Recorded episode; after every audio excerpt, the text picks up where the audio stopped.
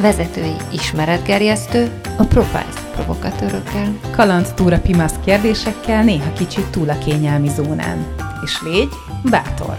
Gyere, és gondold újra velünk. Most van itt az idő. Kezd el most, valahogy másképp. Állarcok nélkül, önmagadként. Nézd meg mások, a vendégeink hogy csinálják. Ma megint ilyen nevetősen sikerült ide érkeznünk, sziasztok, és uh, hoztunk egy témát, uh, és ezt a témát az előző podcastünkben Bencével folytatott beszélgetésünk inspirálta, és uh, ez pedig nem más, mint a flow élménye, uh, az, amikor önfeledten valamiben olyan igazán benne tudunk lenni, és uh, rögtön itt az elején hadd mutassam be akkor a Profiles provokatőröket. Ki? Sziasztok, Lia vagyok. Sziasztok, itt Kata. Én pedig Judit, és nézzük ezt az élményt. A Bencével való beszélgetésben csapjunk bele, jó? Tehát, hogy így, így menjünk, haladjunk. A Bencével való beszélgetésben az egyik ilyen téma, amit ő kiemelt, az az, hogy HRS-ként, felsővezetőként, kiválasztásban is, mi az, amit ő keres, amikor leül valakivel beszélgetni, és azt mondta, hogy azt keresi, hogy kinek csillog a szeme. Emlékeztek rá? És az a kérdésem, hogy még belemennénk ebbe a szemcsillogásba, meg hogy ez hogy jön össze a flow-val, hogy uh, megosztanátok, hogy nektek mitől csillog a szemetek? Kezdem én szívesen. Um, talán úgy tudnám összefoglalni, hogy felfedezni szervezeti kultúrákat, vagy egyéb kultúrákat, ez lehet akár egy, egy, egy nemzeti kultúra, és, és viszont, hogy a szervezeti kultúra, akkor pedig felfedezni azt, hogy hogyan tudjuk kiszínezni a szürke mindennapokat, mi kell hozzá. Wow, Eliának akkor van egy jó egy színes. Színező, Színezője, színes eszköztár. Oké, okay. szuper. Kata?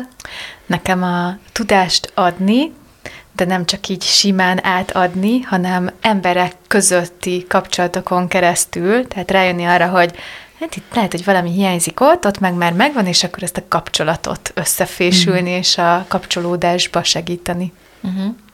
Szuper. Neked? Az enyém pedig az, hogy amikor beszélgetünk, és látok valakit, akiben ott van a tehetség, itt van a talent, benne van ez a, neki is csillog, neki, igen, neki is csillog a szeme, hogy de még nem éli igazán, mm. akkor, akkor ahhoz hozzájárulni, hogy kibontani ezt a talentet, és ott lenni, és menni vele, akkor miközben ő igazán ezt megéli, és hát learatja a sikereket ebben az egészben. Ehhez hozzájárulni, ezt nagyon szeretem. Na, menjünk tovább. Ez van nálunk, és nálatok? Nálatok, kedves vendégek, vagy hallgatók, akik minket követtek, nektek mi az, amitől igazán csillog a szemetek? Gyertek velünk ebben, és keressük meg azt, hogy ha itt végigmegyünk ezen az egészen, akkor le tudjátok csekkolni azt, hogy tulajdonképpen hogy is vagytok ti ezzel a szemcsillogással, meg a flow-val, miközben még egy picit mi beszélünk arról, hogy mi is ez a szemcsillogás, hogy mi lehet mögötte, közben gyere, gyere, gyere, és keresd azt, hogy mi ez neked. Szóval azt kezdtük el összegyűjteni, hogy mi az, hogy csillog valakinek valamitől a szeme? Mi van mögötte? Mi váltja ki ezt? Az biztos, hogy benne van az én tapasztalataim szerint, hogyha sikerül rátalálni valamilyen olyan tevékenységre, ami ilyen jó kis energetizáló dolog, ami mm. azt jelenti, hogy egy ilyen belső hajtóerőként működik, ami egészen egyszerűen nem, nem túl bonyolult dologra gondolok, csak arra, hogy ha megtalálunk valami olyat, ami aztán izgalmasnak, élménytelinek tűnik, és olyan jó mm. érzés benne lenni, jó érzés csinálni. Mm-hmm. Ez, ez biztos. Tök jó. Az jutott eszembe, hogy is megnézni azt, hogy mi az, ami az enyém, és mi van, hogyha az nem az enyém, mert hogy, mert hogy nagyon sokszor van az, hogy azt hiszük, hogy ez az enyém, és wow, vagy tök jó, hogy neki ez bejött, és akkor nekem is biztosan be fog jönni, de egyébként ez nem biztos, hogy az enyém lesz feltétlenül, és nagyon izgalmas, hogy ez, ez egy tapasztalásra, egy folyamatos kísérletezéssel jár együtt, nem? Én emlékszem, uh. amikor ezt mesélted, amikor elkezdődött ez az egész pandémia, és ugye mindenki gyűjtötte, hogy kenyeret süt, meg nem tudom én, mindenki elkezdett szobabiciklit venni, meg nem is tudom, minden... minden hirtelen mindenki elment futni. Minden, hirtelen mindenki Igen. elment futni, és uh, van, akinek bejött, és van, akinek nem, szóval, hogy ez ezt is jelenti akkor, hogy találd meg, hogy mi az, ami neked Uh, és talán ennek ehhez kapcsolódik igazán az, amikor arról beszélünk, és azt szerintem biztos, hogy mögötte van, hogy amikor így felnéz ilyen kíváncsian, hogy igen, és az? Tehát amikor ez a, a, a kíváncsiság benne van az embertől, benne, akkor az biztos, hogy szemcsillogást hoz. Mondom még? kíváncsisághoz kapcsolódik nekem, amit így a sérülékenységgel tudok egy kicsit összehozni, hogy vajon mm. megmerjük-e mutatni a környezetünkben ezt a kíváncsiságot, mert hogy erről azért így az iskola alatt le is tudunk nevelődni, hogy mm, ne tudjunk már annyira nagyon lelkesnek valami iránt, de ez a mm. lelkesség, ez nekem így a sérülékenységnek azért a szinonimája, mert hogy megmutatni, hogy én igazán oda vagyok valamiért, az tetszik Igen. nekem, fú, de nagyon-nagyon-nagyon tetszik, azzal ugye mutatunk sok mindent magunkból, a saját uh-huh. személyiségünkből is, és nekem az a tapasztalatom, hogy ezt néha visszatartjuk, főleg, hogyha pesztezzük a környezetet, és úgy tűnik, Igen. hogy a többiek mondjuk nem annyira nagyon lelkesek, vagy úgy nem értik azt a lendületet, igen, ami igen. bennünk van. Tehát ez a, mm. nem tudom, hogy a szervezeti kultúrával is nyilván összefügg, meg abban a csapatban, ahol dolgozunk, hogy divat-e, vagy lehet-e, szabad-e igazán mm. lelkesedni, és megmutatni a szemcsillogást. Mm. Ez nagyon jó. A sérülékenységnek a vonalára még egy picit ráülnék, talán a, elindított egy gondolatot, hogy na, nagyon izgalmas szerintem az, hogy, hogy amit mondtál is, hogy gyerekkorban mi minden van, és utána mi minden nincs. És a, szerintem emlékszem, hogy beszélgettünk is róla, hogy a Keroldveknek a könyvében a szemlélet, uh-huh. szemlélet, szemléletváltásban van benne, hogy olyan érdekes, hogy eleinte a gyerekek ugye felállnak, hát meg kell tanulni valahogy járni. És folyamatosan elesnek, és ez nem jön össze úgy, hogy ne esni el folyamatosan. És hogy ez a bátorság, hogy felmerjek állni, és még egyszer nekiinduljak. Lehet, hogy fáj, és már a térdem egy idő után sajog, de csak nekiindulok, és ez az, ami kivész azzal, talán, hogy később félünk a kudarccal, meg késünk, félünk arra, hogy térdre esünk, és az majd megint fájni fog. És lehet, hogy ez neveli ki belőlünk egy idő után ezt a kíváncsiságot. Igen, és ahogy, ahogy benne vagyunk egy munkahelyi környezetben, vagy egy otthoni környezetben, akkor folyamatosan kapunk visszajelzést, mm-hmm. és hogyha valakinek valami olyan dologtól csillog a szeme, ami nem szokványos, akkor ilyen kicsit ilyen furinak tűnik, és akkor furinak lenni, az meg akkor nagyon kitűnök, akkor ha nagyon kitűnök, sérülékeny leszek, közben meg mm. lehet, hogy abban az az, amiben igazából meg tudja élni valaki azt, hogy wow, ebbe a flow élményben mm-hmm. van, és talán idehoznám be azt, hogy így hinni abban, hogy, hogy amit élvezek, az nem rossz. Hogy mhm. amiben úgy szárnyalok és áramlok, az nem rossz. És ez meg valahol ez az önmagunkba vetett hit, ez az én erő, valahogy így fogalmaztuk mm. ezt meg a beszélgetésben. Oké, okay. szerintem a legfontosabbakat így kb. első blikre összeszedtük. Um, és akkor most még egyszer, neked, kedves hallgató, kedves néző, mi az, ami igazán ezt hozta elő, vagy ezt, amiben ezt éled meg? Neked mi ez az élmény, amikor ezzel a szemcsillogással benne vagy valamiben, mert hogy hoztunk néhány pontot, ami mentén, hogyha végigmegyünk, meg a Bence sztorián így párhuzamosan, akkor talán az segíthet beazonosítani ezt a témát, és egy picit tisztázni is azt, hogy tulajdonképpen ez micsoda. Úgyhogy akkor csapjunk bele, mik ezek a pontok. És hát rögtön az első pont, az ez a téma, amiről beszélgettünk, mm. hogy vajon ö, megvan-e és megvan-e neked, kedves hallgató és nézőink, hogy mi ez az élvezetes, izgalmas tevékenység, amiben úgy nagyon-nagyon szeretsz benne lenni, és ami igazán feltölt. Mert, és akkor itt egy picit visszacsatolnék az önismeretre is, hogy hmm. tudjuk-e magunkról ezt, és be van-e azonosítva, ilyen nem szépen kifejezve, hogy mik ezek a tevékenységek. Hmm. Ez nem lehet így, ez, ez nem úgy van, hogy így fölébredek, és akkor egyszer csak így megvan, valószínűleg, hanem hogy ebben benne van az a próbálgatás, mert hogy látok tök jót, látok mintákat, hogy mások hogy csinálják, szóval, hogy ez a mi ez, az uh-huh. vannak szerencsések, akiknek így azonnal beesik, hogy mondjuk jó, jó, jól ismerik magukat, és nagyon tudatosan nyúlnak valamihez, vagy vannak ezek a próbálgatások. Mm. Uh-huh. És akkor mi van, ha nem találom? Igen, itt egy olyan élményt mm. tudok megosztani, hogy például rajzszakkörre járni, az egy nagyon jó buli volt a társaság miatt a számomra, de hiába gyakoroltam eleget, mert egyszerűen nem hozta meg azt a flow élményt, amit viszont mondjuk a zene, vagy az énekkar, vagy az éneklés, az viszont meghozott. És akkor is ott az egy ilyen nagyon érdekes tapasztalat volt, hogy hm, nyilván tizenévesen nem túl tudatosan, hogy oké, okay, akkor ez nem annyira nekem, viszont ott sokkal jobban érzem magam, sokkal jobban mm. feltöltödve jövök el mondjuk egy énekari próbáról, akkor inkább megyek arra fele. Szóval ezek még ilyen tudattalan döntések, mm. de, mhm. de nyilván már mondjuk az egész életünket végig kíséri odáig, ahogy elkezdünk mondjuk dolgozni valahol. De közben mm. meg így vágyunk arra, hogy legyen egy ilyen állapotunk, mert én nagyon is emlékszem olyan beszélgetésekre, akik uh, uh, mondták, hogy jó, de engem úgy igazán nem érdekel semmi, mert jó neki, mert ő ezt szereti, jó neki, mert ő azt szereti, és hogy ezt megtalálni nem mindig egyszerű.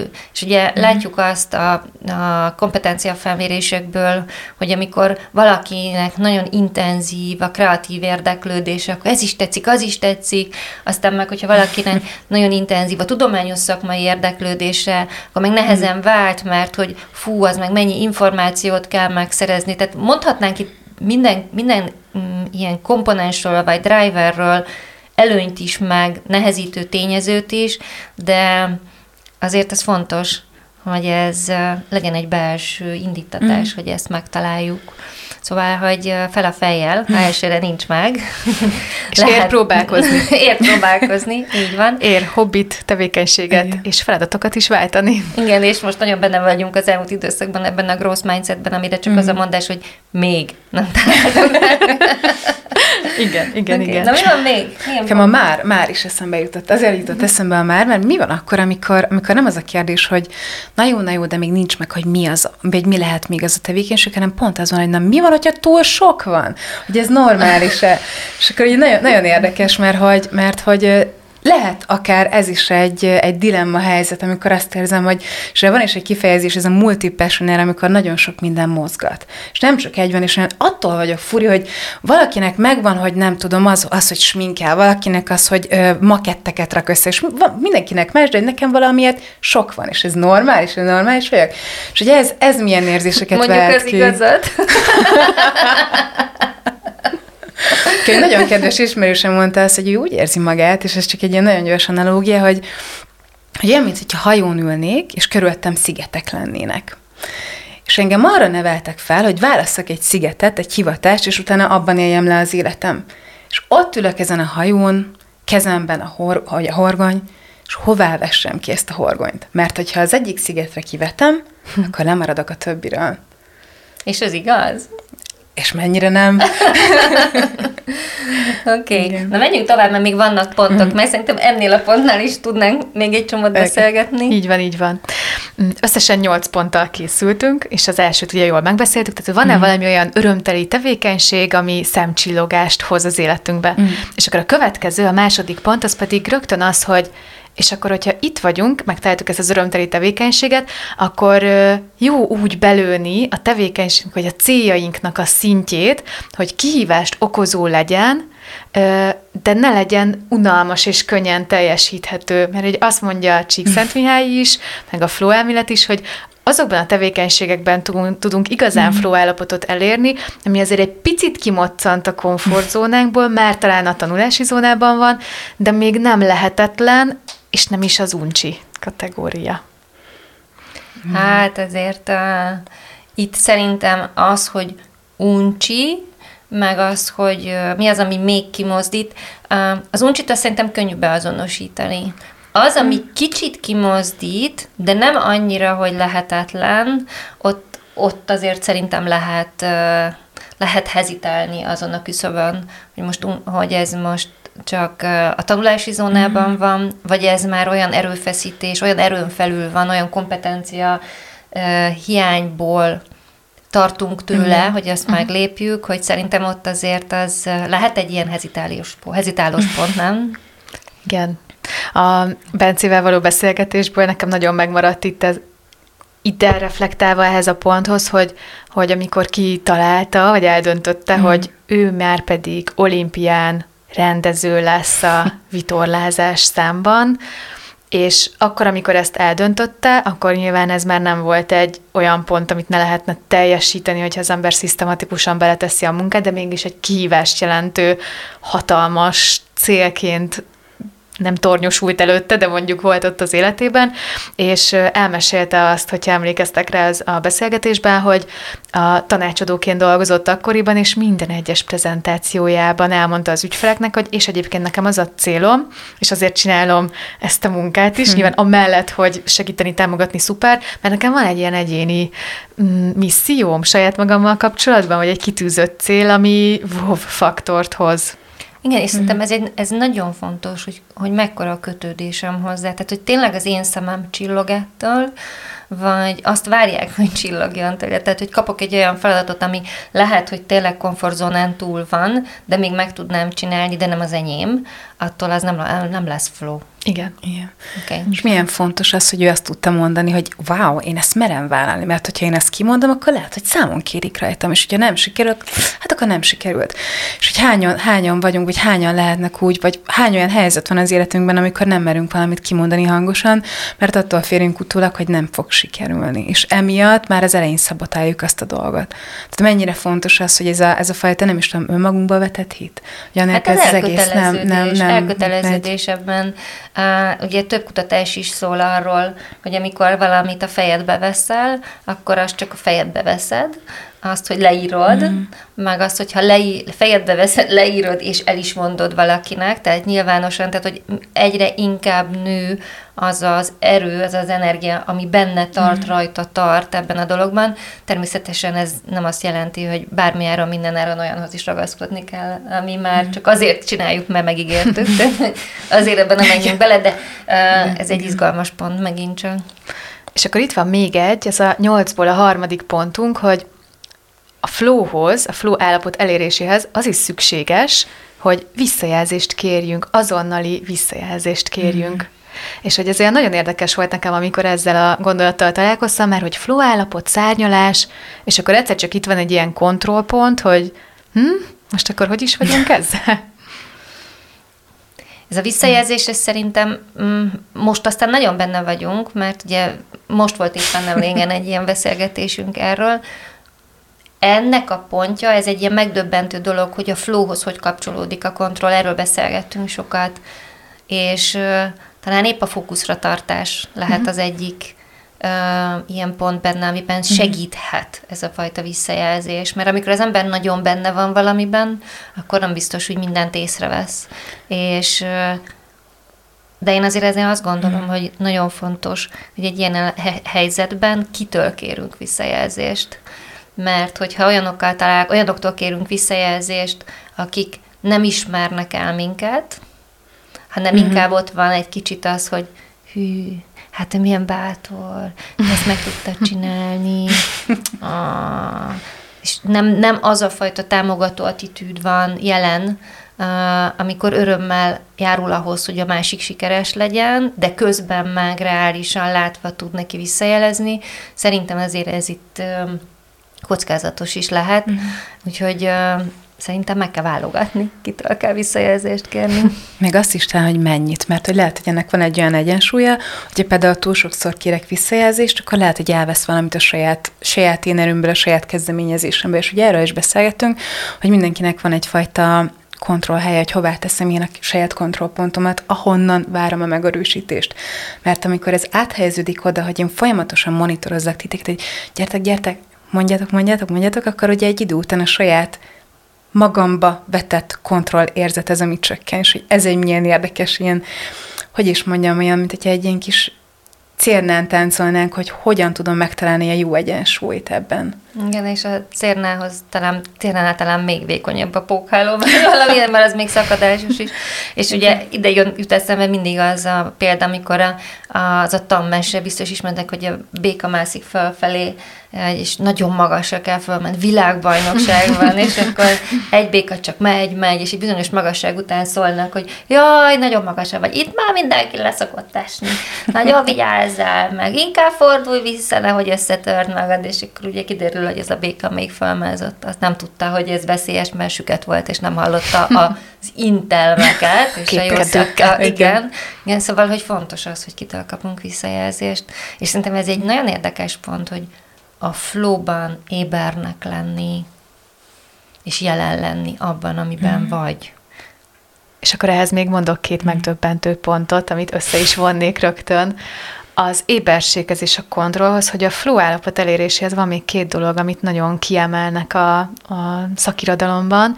Az egyik az, hogy biztosítsd a körülményeket, és itt megint megérnék a tudatosság, hogy ahhoz, hogy ez a flow állapot jöjjön, ahhoz biztosíts magadnak a teret és az időt, amikor azzal tudsz foglalkozni, ami tudod, hogy majd ezt a flow állapotot el fogja a számodra hozni, és uh, például, ahogy a Bence sztoriában hallottuk, hogy neki a vitorlázás és a hétvége, és akkor telefon kikapcs és fókusz van, ez az egyik. A másik pedig, ami, ami ide kapcsolódik, az a fókuszálj, és légy benne tudatosan abban a tevékenységben, és figyelj oda tudatosan.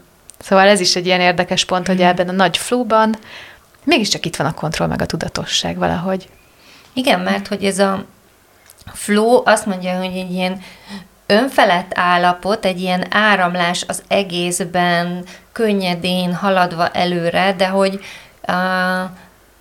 de közben meg mégiscsak benne van az, hogy valamit létrehozni, valamit elérni, Igen. valahova tartani, és akkor meg rajta van a fókuszunk a hova tartunkon, tehát a, és mit akarunk elérni, és ebben nekem, amit most mondtál, a, az jut eszembe, hogy merünk-e kérni magunknak erre teret és időt, uh-huh. merünk-e teremteni magunknak erre teret és időt. Nagyon sok coaching beszélgetés van arról, amikor ott tartunk, hogy igen, igen, tudom, hogy mi a flow, de hát nagyon sokat dolgozom, és akkor már a családtól venném el azt az időt, vagy uh-huh. azt, tehát hogy amikor, amikor ezt, me, ezt megteremteni, hogy, ma, hogy ez az élmény, ez az állapot előálljon, hogy ebbe menne tudjunk lenni, ehhez kérnünk kell, ahhoz van-e bátorságunk ezt kérni, és magunknak ezt megteremteni. Szerintem ez egy kritikus pontja Igen. ennek. Ez az ötödik és a hatodik pont összefonva. Igen, és ezt most itt nem tudom kiadni ezt a kérdést hozzátok, hogy ti meg szoktátok tervezni? Hogy mikor van az, amikor ennek tere és ideje van. És szerintem mind a kettő nagyon fontos. Hogy legyen meg a tere, mm. ahol nem zavarnak, ugye, ahogy a Kata mondta, és legyen rá időd is, amikor nem kell rohanni, hanem azt ott kiteljesedve, minden mást kizárva felettem megélheted. Hiszen jön a hetedik pont, ami arról szól, hogy a flow állapot eléréséhez, az az ideális állapot eléréséhez nem már gyakorolni ezt a tevékenységet, amit csinálunk, és hogy a Bence is mesélte, hogy 5 évesen, amikor kezdte mondjuk a vitorlázás, vagy 23 évesen, amikor kezdte a vezetői pályáját, akkor még nem volt ügyes. A saját mhm. bevallása szerint azokban a tevékenységekben kellett az idő és a tapasztalat, hogy ő fogalmazott a macska nyelvek és a 13. helyek, és hogyha érdekel, hogy ezt miért mondom, kedves hallgató, akkor érdemes meghallgatni az előző részt a podcastünkből, de hogy a gyakorlás, és itt pedig a, a growth mindsethez tudunk megint visszakötni, hogy és amikor először nem sikerült, és leestem a hajóról, vagy a nem úgy sikerült 23 évesen az 50 éveseket vezetni, ahogy szerettük volna, na akkor mi történik, és hogy megyünk tovább? Ehhez a gyakorláshoz az jutott eszembe, hogy minél jobban gyorsul a világ, annál hamarabb akarjuk tökéletesen csinálni a dolgokat és annál inkább türelmetlenek vagyunk önmagunkkal. És ha türelmetlenek vagyunk saját magunkkal, akkor mennyire leszek türelmes másokkal? Ez csak egy ilyen költői kérdés. Gyere hiszem... már! mondani, hol vagy már lelki Szóval, hogy ez tulajdonképpen a, a egy, egy másik uh, assessment center jutott eszembe, amikor egy nagy tapasztalattal bíró vezető ült a, a megfigyelők körében, és uh, fiatal talenteket kerestünk, és um, valahogy volt egy szituáció, teljesen mindegy, ment a visszajelzés, és ül a nagy, bölcs, tapasztalt vezető, és azt mondja, drága fiatal lelkes kollega, egy útra valót szeretnék mondani magának, tapasztalatot tapasztalattal lehet megszerezni. Szóval, hogy azt hiszem, ebben benne van a gyakorlás. És a gyakorlatot is. És a gyakorlatot is. És akkor még az útra valónként kettő pontunk van. Az egyik az, hogy a folyamat közben ne felejtsük el élvezni azt a tevékenységet, amiben benne vagyunk. előnyben. Igen, és most már elveznem is kell ráadásul ezt a hobbit, amit csinálok. És a, az utolsó pont pedig az, hogy ne csak a kudarcainkból tanuljunk, hanem a sikereinkből is. És akkor itt ismét visszareflektálnék a Bencének a, a mondataira és a Bencével való beszélgetésre, hogy egyébként mennyire igaz az, hogy valami sikerült, és a hmm. sikert azt olyan könnyen át tudjuk forgatni, főleg a maximalisták ugye előnyben itt is, hogy hát nyilván sikerült, hát oké, okay, lapozzunk, menjünk tovább, de hogy milyen érdekes megnézni ezeket a sikersztorikat, hogy mit tanulhatunk belőle magunkról akár, vagy mit tanulhatunk arról, hogy mi, mi az, ami működött, és lehet, hogy ezt meg tudjuk ismételni, milyen klassz. És szerintem ez mm. azért nagyon fontos még, mert amikor van valamilyen erőforrásunk, van valamilyen képességünk, és azt használjuk, és abból lesz valami klassz siker, eredmény, akkor az evidencia, azt evidenciának tekint, arra uh-huh. úgy mhm. tekintünk, mintha evidens Igen. lenne. És az nem is veszük észre. Uh-huh. És lehet, hogy itt ezeknek az erőforrásoknak a beazonosítása az erősítheti a tudatosságot, hogy a következő alkalommal erre én pont uh-huh. építhetek. Uh-huh. És akkor ez már nem az ilyen ösztönös, hanem az már egy ilyen uh-huh. tudatos választás arra, hogy milyen eszköztárból oldok meg egy-egy helyzetet, vagy uh-huh. mire építkezhetek, amikor van egy olyan szituáció, hogy azt előhúzom, és akkor már használom is. Így van. Wow. Tudatos türelem jutott eszembe egy picit az elmúlt percekben, hogy hallgattalak titeket, azért, mert hogy... Ez honnan jött? Igen. Ugye ez egy következő podcast. Azért csak, mert hogy olyan érdekes, hogy, hogy amikor ugye vannak az újévi fogadalmak, és hogy jövünk ezzel a slunga, hogy most megváltam a világot, és ezt most elkezdem, és ezt most nagyon akarom, és ez az enyém, és pont, és fú, és jön a flow élmény, aki lehet, hogy túltolom, és hogy mennyire szalmaláng néha egy, egy ilyen, egy, egy ilyen újévi ígéret, pont attól, mert hogy amikor elkezdem túltolni, most akár csak mondom mm. a egyik leggyakrabban felmerülő példát, mint például, hogy a konditerembe járást, vagy a futás, vagy ez egyik ilyen dolgokat, és ez egy nagyon élvezem, mert utána jön az endorfinlőket, a wow, de jó, és akkor elkezdek heti nem tudom, négyszer, ötször járni.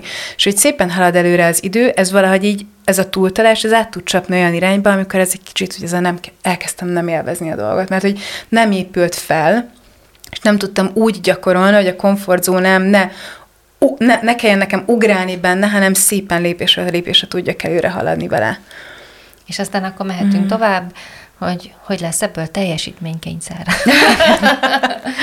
Oké. Okay. És akkor még egy kérdésem van hozzátok, az pedig az, hogy oké, okay, van egy egyéni felelősségünk abban, mm. hogy flow állapotban, hogy tudunk mi magunk mm. kerülni, vagyis hogy nem egy, egy ilyen szép egyéni felelősségnek mondanám, de hogy mi a, mi a felelősségünk vezetőként ezzel az egésszel? Hát több is. Az egyik az egészen biztosan az, hogy vezetőként látni, tudni azt, hogy kinek uh, milyen erősségei vannak, hol vannak a határai, és mi, mi az, amitől neki csillog a szeme, és utána szép jó magyar szóval challenge tehát hogy helyzetbe hozni, hogy uh, ebben kiteljesedhessen. Uh, ez egészen biztos hogy vezetői feladat. Nekem még az jutott eszembe, hogy hagyni azt, hogy elkövessék az első hibákat vagy folyamatosan kövessenek el hibákat. Ha ezt nem teszem meg, akkor ugyanúgy, mint amikor, amikor a gyereknek az édesanyja oldam, és folyamatosan megúvjatta, hogy elessen, vagy nem tudom, vagy, vagy, vagy, vagy esetleg kipróbáljon valami új dolgot, vagy veszélyes lehet, jó, akkor ugye megtanulom azt, hogy akkor nem merek, akkor inkább nem megyek előre, és nem haladok. és helikopterre vezetők. vezetők. Egy következő podcastünkben erről is beszélgetünk. Milyen kevés dolog fér bele ennyi időben, borzasztó. Nekem még azért abban az van, hogy ahhoz kell egyfajta bizalom, uh-huh. hogy, hogy egy ilyen szituációban rámerjem bízni magam a vezetőre, hogy helyzetbe hozott, uh-huh. hogy szerintem az még egy ilyen nagyon fontos pontja uh-huh. ennek a vezetői bizalom kiépítése, vagy hát a bizalom kiépítése. Bízunk benne, hogy kedvet kaptatok ahhoz, hogyha még nem találtátok meg a jelenlegi, vagy a következő flow élményt hozó aktivitást, vagy bármit, amit szívesen csinálnátok, akkor most inspirációt adtunk nektek ehhez, hogy hozzátok ki magatokból, vagy biztosítsátok valaki másnak, kedves vezetők, és tudtok erre úgy nézni. Hát akár mint egy, nem is tudom, falat csokira, és akkor itt mi lehet a feladat? Hát az, hogy találd meg, hogy neked mi lesz az a csoki, ami az igazi endorfin élményt adja. Sziasztok! Sziasztok! Sziasztok! Most hallgatva néha vicces, ugye? Benne lenni, nagyon kényelmetlen túl lenni. És visszanézve, néha rém egyszerűnek is tűnhet. Tarts velünk legközelebb is!